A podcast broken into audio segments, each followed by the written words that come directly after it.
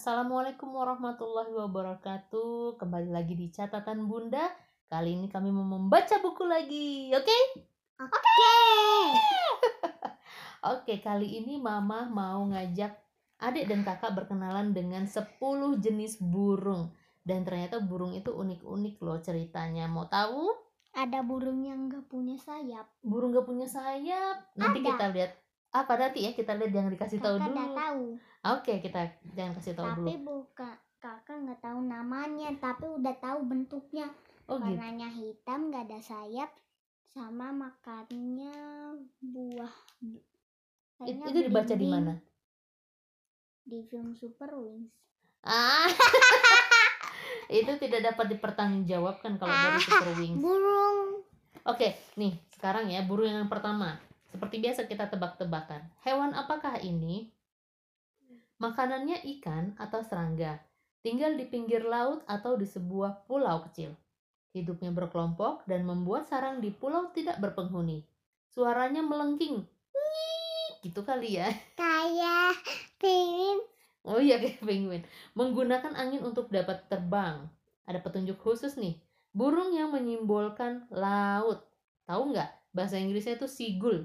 Sigul. Apa burung apa? camar. Burung camar.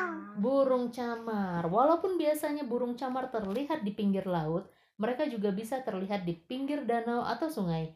Burung camar hidup di pulau-pulau yang berbatu atau padang rumput dan karena biasanya hidup berkelompok dalam jumlah yang besar. Biasanya tempat tinggal burung camar sangat berisik. Selain itu, burung camar tidak ramah terhadap pendatang baru. Pelayan Para nelayan beranggapan tempat yang sering didatangi oleh burung camar adalah tempat yang terdapat banyak ikan. Itu karena makanan utama burung camar adalah ikan. Akan tetapi, burung camar tidak hanya makan ikan, tetapi juga cacing dan serangga. Oleh karena kebiasaannya makan hingga dan oleh karena kebiasaan dan oleh karena kebiasaan makan hingga bersih tidak bersisa, burung camar disebut Burung camar disebut hewan pembersih. Sebagian warna tubuh burung camar adalah putih dan terdapat banyak corak warna lainnya. Paruhnya tebal dan ujungnya runcing tajam. Kuncing. Ya, Kayak burung elak. ya mirip ya.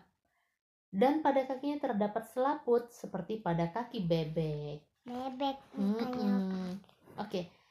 Apakah yang dilakukan burung camar untuk mengusir hewan lainnya yang masuk ke wilayahnya? Pilihan pertama, mengeluarkan kotoran.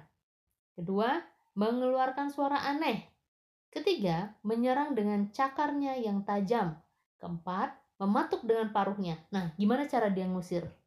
Hmm, mengeluarkan kotoran. Bener gitu, yuk kita baca catatannya ya. Saat musim semi, ribuan ekor burung camar membuat sarang di atas pulau bebatuan. Mama mau ketawa sendiri nih.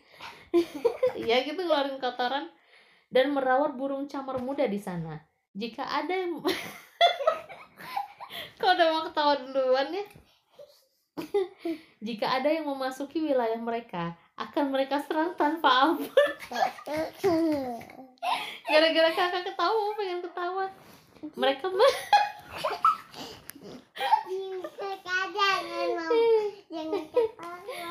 Mereka menyerang dengan cara mengeluarkan pada kotoran. oh iya.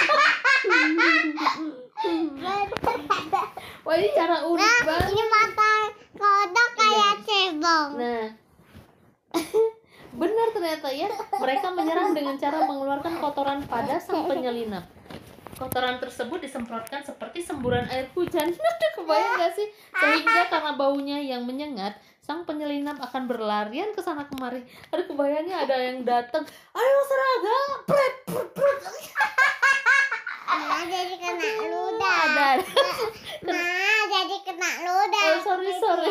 Sorry, sorry, sorry, dulu. Ah, kacau nih.